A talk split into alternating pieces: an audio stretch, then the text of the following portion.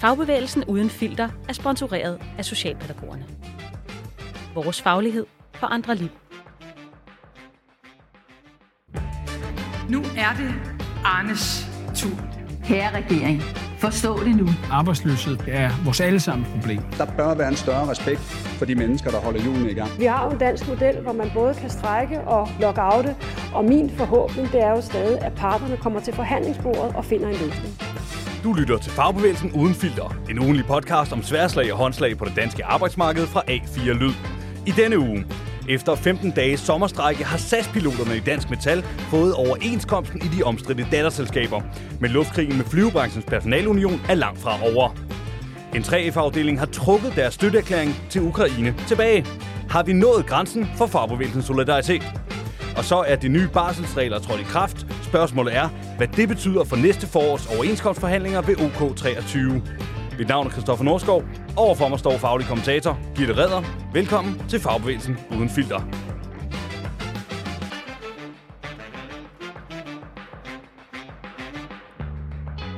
Så er vi tilbage, Gitte Redder, efter en forhåbentlig god sommerferie. Skøn sommerferie. Så er der lavet op.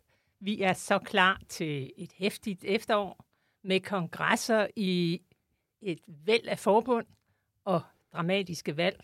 Og så har vi også et folketingsvalg, vi nok heller ikke kan undgå at komme til at, at tale om. Så jeg er tændt. Hvad med dig, Christoffer?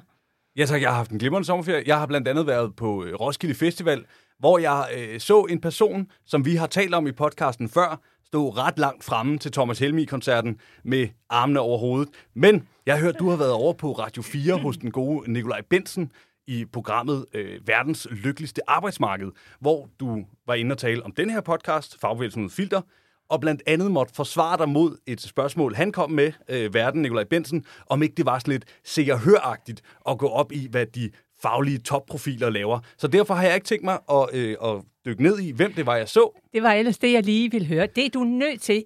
Ellers så stopper vi her, Christoffer. Hvem var det, du så? Det vil jeg vil ikke have hængende på mig, det der med det faglige se og høre. Så hvis det er noget fagligt, så kommer det. Det var Thomas Helmi-koncerten ikke. Lad os bare sige, at det var, øh, det var meget sjovt at se den person i den anledning. To mænd, der til gengæld ikke har holdt så meget sommerferie, det er Dansk Metals forbundssekretær Kjeld Bækkelund og hans wingman Henrik Tyrgod, der er formand for Dansk Pilotforening. Der har nemlig været en højdramatisk øh, strække over sommeren. Tusindvis af aflyste afgange i SAS. Mere end 1 milliard tabte kroner. Men efter 15 dage kunne SAS og de nordiske piloter i SAS Pilot Group forlade det her øh, medlingsinstitut i Sverige med en underskrevet overenskomst. Og det er sådan rimelig banebrydende, hvad de kom frem til. Kort opsummeret, SAS-piloterne går 25% ned i løn. Deres ugenlige øvre arbejdstid øges fra 47 til 60 timer. Øh, flere hundrede piloter, der blev fyret under corona, de får krav på at blive genansat. Og så, og det er her, det, den springfarlige detalje for os ligger, piloterne og Dansk Metal, de har fået lovning på, at det fremover er deres overenskomster, der gælder i hele SAS, også i de her datterselskaber Connect og Link, som vi har talt så meget om. Øh, det er jo ret øh, voldsomt, fordi at det er jo flybranchens Personalunion, der i dag har overenskomsten i de her datterselskaber.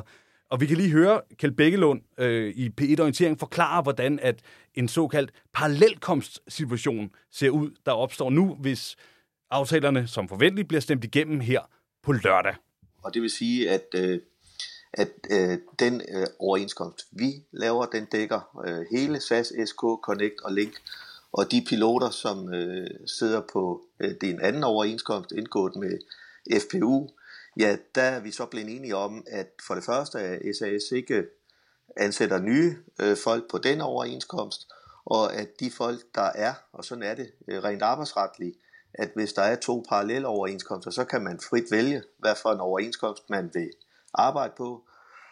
Og hvis øh, de øh, folk, der har arbejdet på de tidligere overenskomster i Link og, og Connect, de vælger at komme over på SK-overenskomsten, så kan de gøre det. Øh, og hvis de ikke gør det, så har SAS forpligtet sig til ved overenskomsternes udløb i henholdsvis 25 og 27 og frigøre sig fra de eksisterende overenskomster.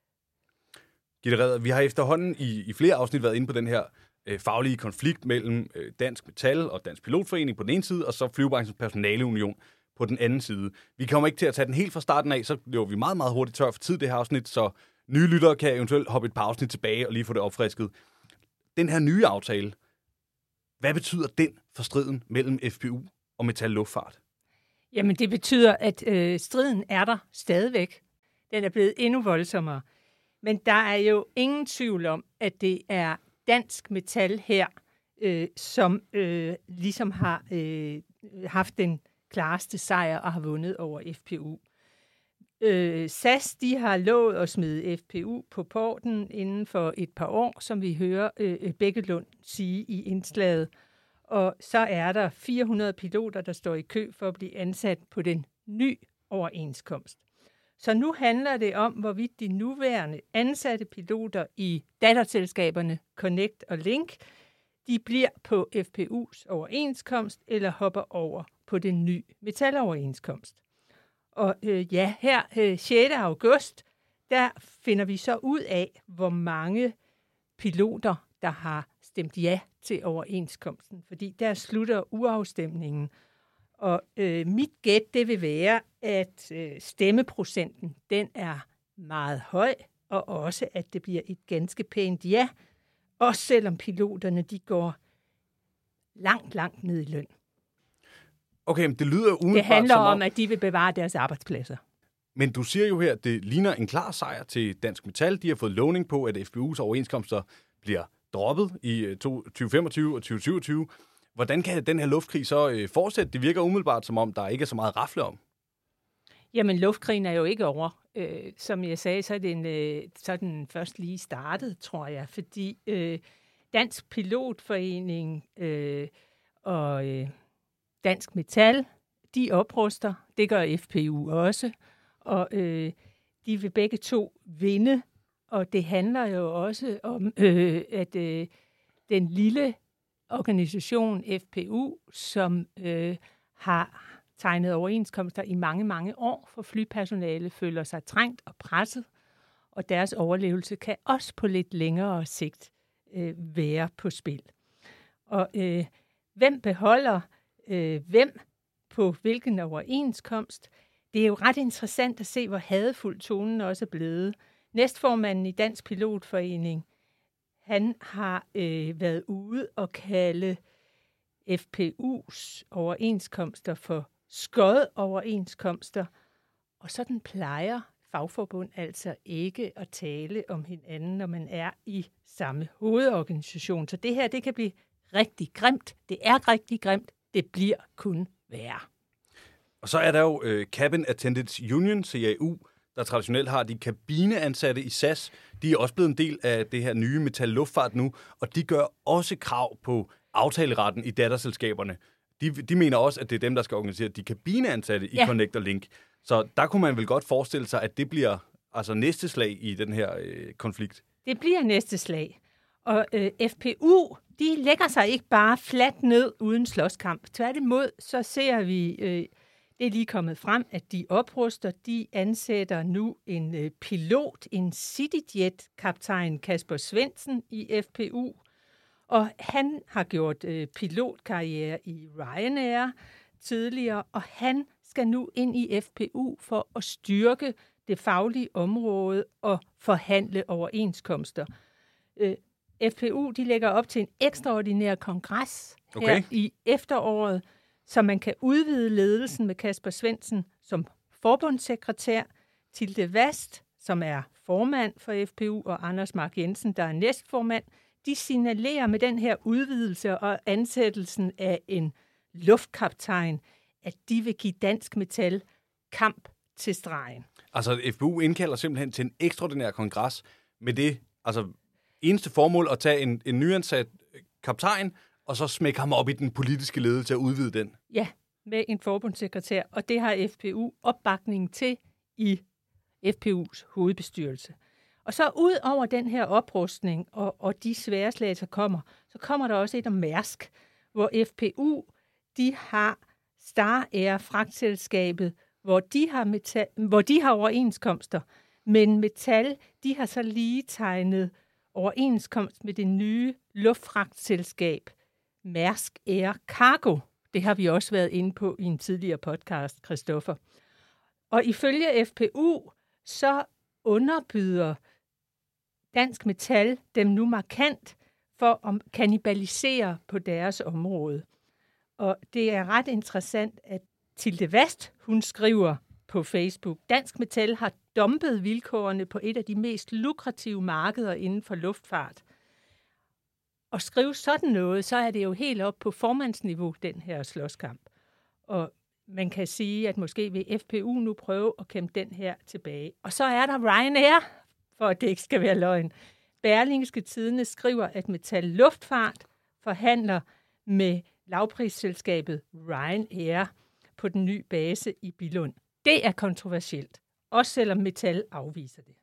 Ja, fordi Kjeld Bækkelund, han, han udtaler jo i samme artikel der, at, øh, at de ikke forhandler med Ryanair, men at de meget gerne vil lave en overenskomst, hvis de øh, bliver inviteret til forhandlinger. Ikke? Så og Ryanair, det er jo FPU's gamle, det var det helt originale luftfartsslag øh, i 2015, hvor et FPU på den ene side med Lisette Rigsgaard som LO-næstformand øh, bekrigede Ryanair, og til sidst fik dem til at, at trække sig ud af Danmark. Så øh, det lyder som om, at den her konflikt, den breder sig, og det er ikke kun et SAS-spørgsmål mere, det kan meget hurtigt blive et spørgsmål om resten af luftfartsbranchen så. Men hvad med Lisette Rigsgaard? Hun har på en eller anden måde formået at holde sig helt tavs i løbet af sommeren. Ja, Kan hun blive ved med det? det kan hun ikke. Det er en lortesituation for Lisette Rigsgaard og FH at se den her krig mellem to fagforbund i den samme hovedorganisation, og en krig, som de andre medier også er begyndt at beskrive. Så øh, presset det vil stige for, at Lisette Rigsgaard, hun medierer og finder en løsning, for det er uklædeligt, det er uholdbart at se to fagforbund i samme hovedorganisation beskylde hinanden for øh, social dumping og skodoverenskomster. Det, det kan man ikke leve med særlig længe. Næste øh, slag i den her fight, det kan jo, som du er inde på, blive kabineoverenskomsterne. Det er lidt anderledes med de kabineansatte i CAU. De kan jo ikke strække på samme måde, som piloterne kan, men de har altså tænkt sig at opretholde en faglig voldgift om arbejdsretlig identitet. Det lyder støvet. Det handler om, at de vil have øh, en, en voldgiftrets ord for, at det er deres overenskomster. Og den har de tænkt sig at køre videre med. Så luftkrigen fortsætter, men med andre midler. Ja, og lørdag ved vi så, hvor mange piloter, der har stemt ja til det her. Og over de næste måneder kan vi også begynde at, at høre om, hvor mange piloter, der forlader FPU og i stedet melder sig ind i Dansk Metal. Du lytter til Fagbevægelsen Uden Filter. Podcasten er sponsoreret af Socialpædagogerne. Vores faglighed for andre liv.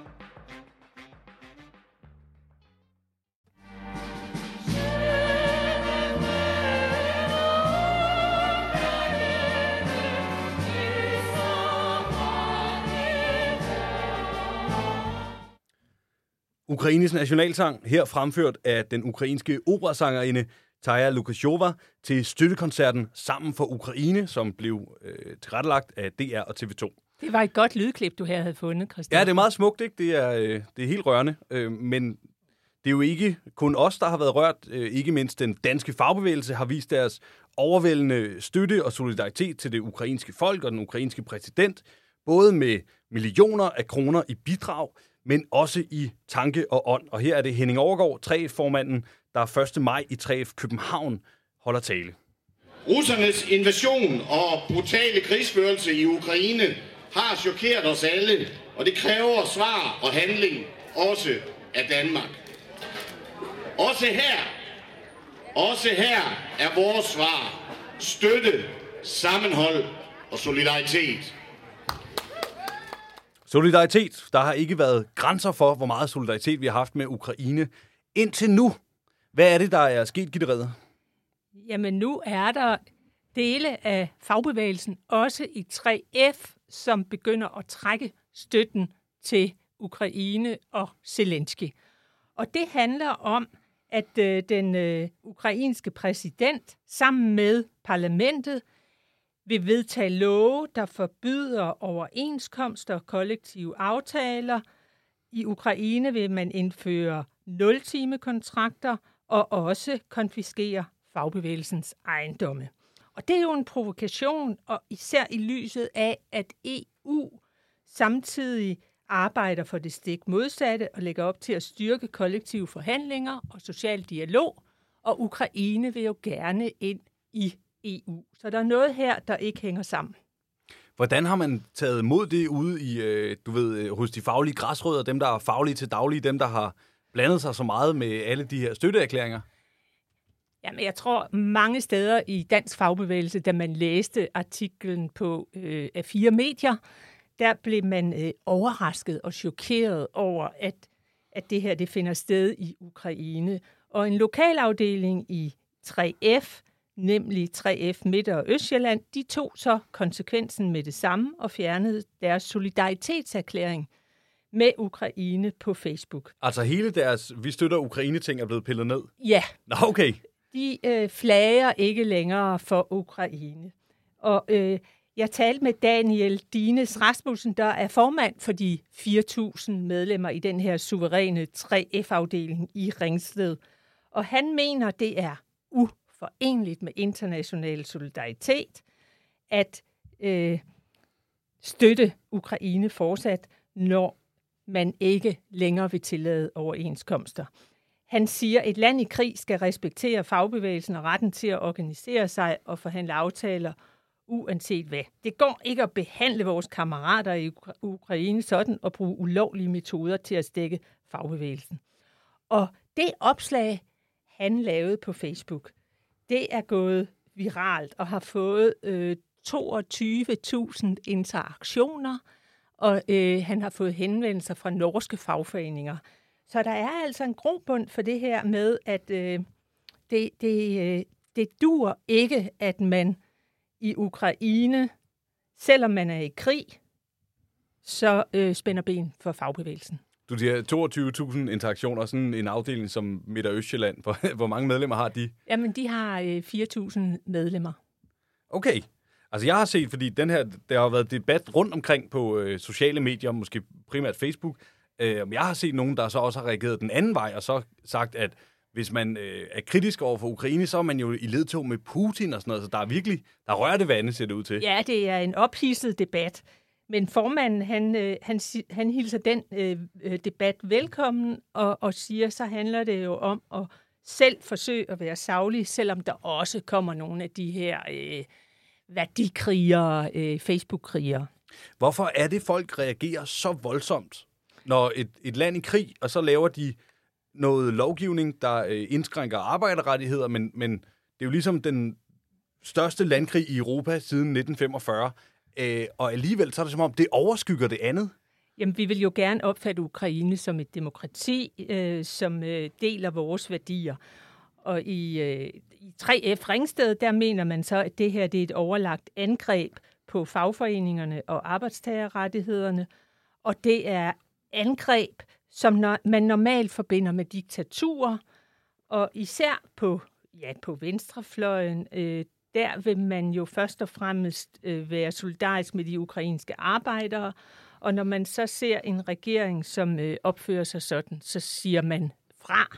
Og formanden for 3F Midt- og Østsjælland, øh, han, øh, han insisterer så på, at man kan ikke blive ved med at øh, støtte Ukraine, hvis de spænder ben for øh, kammeraternes adgang til at få ordentlig løn og arbejdsvilkår.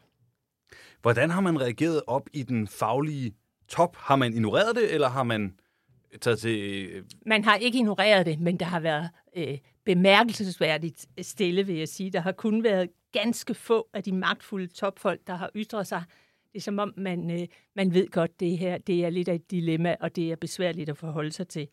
Men Bente Sovnfrej, som er næstformand i 3F, og også er vicepræsident i Europæisk Fagbevægelse, hun har tweetet og øh, taget afstand til det, og direkte henvendt sig til Zelensky, hvor hun skriver, We support Ukraine's fight against invading forces from Russia, but do not use the situation to weaken workers' rights, Zelensky, skriver hun. Altså, lad være med at svække arbejdernes rettigheder, Zelensky. Og øh, det her tweet, det har hun næppe fået svar på fra Zelensky, men hun, hun skal jo også reagere, fordi europæisk fagbevægelse tager skarpt afstand fra, at Ukraines parlament stikker fagbevægelsen. Og ud over Bente Sovenfrej, så har HK-formand Anja C. Jensen også været på Twitter og øh, skrevet, at hendes hjerte bløder for Ukraine, men det betyder ikke, at man skal svække øh, fagbevægelsen, og hun opfordrer også Zelensky til at, at trække det her lovforslag. Hun har altså skrevet direkte til den ukrainske præsident på Twitter. Det har hun. Har hun fået svar? Øh, ikke på Twitter i hvert fald. Okay, og det- øh, jeg tænker, øh, at Zelensky han har, han har Øh, øh, travlt med andre ting. Men øh, et skulderklap til Bente Sovnfrej og Anja C. Jensen for at ytre sig i en meget følsom og vanskelig debat. Altså, toppen af fagbevægelsen, og måske særligt FH-toppen, er, kom jo ganske galt afsted under debatten om øh, forsvarsforbeholdet, det nationale kompromis, om øh, forsvarsudgifterne, netop fordi, at der var øh, så vrede, oprørte stemmer i det faglige bagland. Hvilke konsekvenser kan, kan det her få? Fordi, som du, du siger jo, det, det, det er et dilemma. Hvordan kan de øh, altså, navigere i det? Fordi der er vel risiko for, at der er nye problemer med det faglige bagland her. Øh, ja, der vil helt klart være andre fagforeninger, der her på den anden side af sommerferien vil begynde at sætte spørgsmålstegn ved fagbevægelsens videre støtte til Ukraine i lyset af, at det her, at de tramper på fagbevægelsen i Ukraine. Og vi står jo over for en række kongresser. 3F blandt andet øh, holder kongres i september, og hvor Henning Overgaard, han tidligere holdt den her tale. Han har holdt mange taler, hvor han har erklæret sin ubetingede kærlighed til Ukraine. Så vil, øh, så vil han nok have en lidt anden tone fremadrettet. Og jeg forestiller mig heller ikke, at man inviterer Ukraines ambassadør som gæstetaler øh, på 3F-kongressen i Aalborg næste måned. Men de har måske lidt den fordel, at vi taler ikke lige så meget om Ukraine nu, som vi gjorde for et halvt år siden. Ja, helt, altså, øh, så de har jo heller ikke, øh, fag, fagbevægelsen har heller ikke nogen interesse i at, at tale øh, det her dilemma op. De vil i virkeligheden helst glemme det, fordi øh, de vil fortsat øh, vise deres støtte til Ukraine og ønske Putin øh, hen, hvor peberet gror. Og hvordan holder man den balance? Den er, den er svær. Det bliver øh, spændende at se så, om der er nogle øh, 3F'ere, der øh, stiller et øh, udtalelsesforslag på den kongres, de skal have om et par måneder, og hvordan Henning Overgaard og resten af ledelsen vil håndtere den Ja. sag. Ja.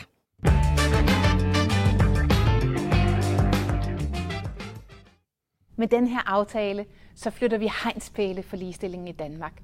Vi sikrer, at far bliver en større del af babys første år.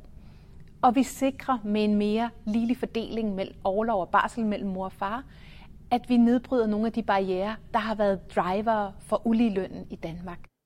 Så rosende var ordene fra den forhenværende FH-næstformand Majbrit Berlau, da de sammen med Dansk Arbejdsgiverforening indgik den her aftale om øremærket barsel. Det var i september 2021, og efter en tur forbi Folketinget, så er den her aftale blevet til lov, og den trådte i kraft tirsdag den 2. august. Det betyder, at i alt 11 uger af den her barsel nu er øremærket til fædre eller medforældre, og hvis ikke den bliver afholdt, så bortfalder den. Gitte Redder, så er ligestilling sikret, eller hvad? Det er nok at tage munden lidt for fuld, men ja, det her det er en kæmpe sejr og et vigtigt skridt for ligestillingen, både på arbejdsmarkedet og, og i familierne og for dansk fagbevægelse. Nu får vi endelig øremærket barsel til, med, til mænd, til medforældre. Det har været en lang, sej kamp, og jeg synes også, det er værd at bemærke midt i alle de her skåltaler og feststemningen, der har været i den her uge, at det har været arbejdsmarkedets parter, EU og så en strib progressive virksomheder, der har banet vejen for det her og været drivkraften. Det har ikke været Christiansborg. Det har ikke været regeringen. De har sovet i timen. De har fået reddet armen om for at gøre det her. Og historikken er jo faktisk lidt interessant, øh, Christoffer. Nu er du så ung, at du måske ikke kan, kan, kan huske det, men lad os lige dvæle ved, at vi i Danmark har været langt, langt bagud øh, med de her barselsregler sammenlignet med Norge, Sverige og Island, som vi ellers ynder at sammenligne os med. Og store dele af danske fagbevægelse har, har sammen med venstrefløjspartier skrevet sig hæse for at få barsel til fædre i mange år. Blandt andet øh, Nana Højlund og Jane Korsak fra 3F har kæmpet indad for det. Og da Helle Thorning hun blev statsminister i 2011, der klappede alle i hænderne, fordi det stod i regeringsgrundlaget, at regeringen ville øremærke op til tre måneder af den betalte barselsperiode til manden. Men vupti, i 2013, der droppede Helle thorning Schmidt sammen med den daværende beskæftigelsesminister Mette Frederiksen øh, det her forslag. Det var løftebrud, det gav et ramaskrig i fagbevægelsen og hos kvindeorganisationer, og der var folk, der smækkede med døren og meldte sig ud af både Socialdemokratiet og ikke længere ville arbejde med ligestillingsarbejder. Og det gav Mette Frederiksen nogle skrammer, som stadig hænger lidt ved. Hun er ikke lige fremkendt som progressiv på ligestillingspolitikken. Men altså, summa summarum, nu har både mødre og fædre fået retten til og muligheden for at tage mere barsel med deres barn. Og, og ved du hvad? Det er, der er sådan en interessant debat, fordi det er jo en ret, det er ikke tvang. Og når vi ser på, hvordan en partileder som Søren Pape Poulsen, han fører sig frem og bruger begreber som tvangsfordelt barsel, og at man fratager forældre friheden til selv at vælge, det er jo noget crap. Det er simpelthen noget crap. Og øh, der kunne øh, Søren Pape Poulsen måske lytte lidt til øh, Lars Sandal fra DI. De to er jo ellers gode venner. Og Lars Sandal, han kalder jo det her hamrende godt, og han skriver, øh, Lars Sandal, jeg er ikke et sekund i tvivl om, at det vil få langt flere fædre til at tage mere overlov. Og det er godt for forældrene, børnene, virksomhederne, samfundet. Og Søren Pape Poulsen, han kan så tykke lidt på, at det er også noget, virksomhederne har efterspurgt det her. Men så er det jo sådan, at en undersøgelse, øh, jeg tror det er TV2, der har skrevet den, og det er Egmont Fonden, der har lavet undersøgelsen, viser, at hver femte mand ønsker ikke at tage den her nye barsel, selvom den er øremærket. Og det er blandt andet økonomien, der får skylden for det. Den her ret til barselsårlov, det gælder jo kun barsels dagpenge. Du har jo ikke ret til at få fuld løn nødvendigvis, fordi det afhænger af overenskomsterne. Gitte Redder, vi skal forhandle overenskomster her til foråret. Hvad kommer den her barselsaftale til at få af betydning? Tror du, det kommer til at spille en, en rolle på forhandlingsbordet, at flere lønmodtagere vil have ikke kun barselsdagpenge, men altså fuld løn under den her nye barselsperiode? Ja, det kommer til at spille en rolle, men ikke en hovedrolle. Det kommer ikke til at stå øverst på lønmodtagernes dagsorden, at der skal være fuld løn under barsel. Men vi skal huske på, at det jo er DA og FH, der har forhandlet det her, og man er interesseret i at øh, sikre fuld løn under barsel i de uger, hvor man har ret til overlov. Og ud af den samlede ramme og lønsum i sådan en overenskomstforhandling, så er det relativt lidt. Så arbejdsmarkedets parter, de har begge en interesse i, at der kommer lønrettigheder der følger barselsrettighederne. Og det kommer til at gå nogenlunde glat, forestiller jeg mig. Men det er ikke det, vi kommer til at se i overskrifterne i medierne i forbindelse med UK23. Det bliver, at lønmodtagerne vil have flere penge, de vil have højere løn i takt med den voldsomme inflation, og de vil have frit valg og mere pension i lyset af stigende pensionsalder. Så kommer barsel langt, langt nede på ønskelisten, men DA og FH og Dansk Metal og Elforbundet, HK Privat, alle dem, der sidder ved forhandlingsbordet, de har en bunden opgave i at, at, at få det ind i overenskomsterne. Okay, Altså op til øh, overenskomstforhandlingerne i 2020, der kan vi huske Brian Mikkelsen, direktør i Dansk Erhverv, han smed lidt af en, en barselsbombe, da han var ude og foreslå, hvad med øremærket barsel i overenskomsterne til mænd. Øh, Øh, det samme Lars Sandal fra Dansk Industri, han synes også, det var en fremragende idé. Det var ret opsigtsvækkende på det tidspunkt, fordi det er jo ikke, det er jo ikke øh, normalt, at arbejdsgiverne kommer ud og har stærke holdninger til, hvad lønmodtagerne stiller af krav, og det var der også en, en noget afmålt reaktion, øh, de fik. Per Tønnesen, der var øh, formand for HK Handel på det tidspunkt, han sagde, at bedre barselsvilkår til fædre, det er ikke noget, der står højt op på listen, og derfor må det så være et krav, som arbejdsgiverne kommer med. Øh, I 2020 lavede man så en industrioverenskomst, der faktisk gav, jeg mener, det er 8 ugers øh, fuld løn til mænd. Øh, så og den gælder jo, den gælder jo 230.000 lønmodtagere, så det kom igennem. Men er det her måske også et spil om, hvis der er enighed om, at det højst sandsynligt skal vedtages, hvem stiller det så som krav, og hvem skal betale for det? Jamen, øh, arbejdsgiverne øh, vil gerne være med til at, at finansiere det her. Jeg synes, det er øh, tankevækkende, at vi har nogle store, øh, progressive virksomheder herhjemme, der, der tænker ligestilling. En moderne virksomhed giver også plads til et moderne familieliv, hvor både far og mor kan tage forældreansvar. Og hvorfor gør de det? De gør det jo ikke kun for deres blå øjnes skyld. De gør det også for at kunne tiltrække arbejdskraft.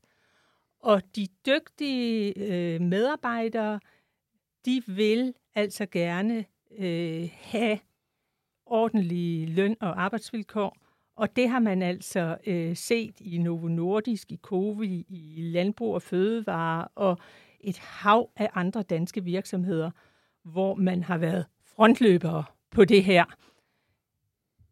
Til gengæld så er der jo en hel del mindre virksomheder, øh, hvor man får øh, svært ved at, øh, at følge med øh, og, og, og give fædre fuld løn under barsel. Og derfor er det vigtigt, at, øh, at det kommer med ind i overenskomsterne, og man finder en model, sådan at også små virksomheder i øh, mandedominerede brancher øh, kan være med. Men er det noget, som medlemmerne gerne vil have? Vi hørte jo fra øh, både HK og Dansk Metal i 2020, at det var ikke det, medlemmerne skreg mest på. Er det, er, det, er det medlemmerne, der driver det her ønske om bedre barsel? Nej, det er ikke øh, medlemmerne, mændene ude i lagerhallerne og produktionsvirksomhederne. Og det er heller ikke øh, kvinderne mange steder, fordi de vil helst selv gå hjemme med barnet. Så det her, det er virksomhederne, og så er det toppen af fagbevægelsen, og det er der, der driver det. Og som sagt, så har de også været under trykpres fra EU, hvor øh, der er et direktiv, der simpelthen forpligter øh, Danmark og medlemslandene til at give mere øremærket barsel til mænd. Så det vigtigste ved OK23, det bliver? Mere i løn, også på grund af øh, den her rekordhøje inflation, mere fleksibilitet, og så mere på frit valg Ja, mit gæt, men Christoffer, lige nu der arbejder alle forbund øh, på det private, Dansk Metal, Elforbundet, HK Privat, NNF, Fødevareforbundet, de arbejder jo på højtryk i, og har dialog med deres medlemmer og tillidsrepræsentanter om, hvad der skal være hovedkravene. Og det ved vi om et par måneder.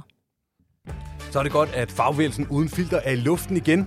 Vi følger selvfølgelig tæt med i OK23, både hvad det betyder for barsel og hvad det betyder for det danske arbejdsmarked i det hele taget. Det kan være, at vi skal indføre et konfliktbarometer, når vi kommer tættere på Gitte så vi ligesom kan måle i forhold til, hvor, hvor stor risikoen eller sandsynligheden er for, at vi øh, skal ud i en stor konflikt til øh, april eller maj.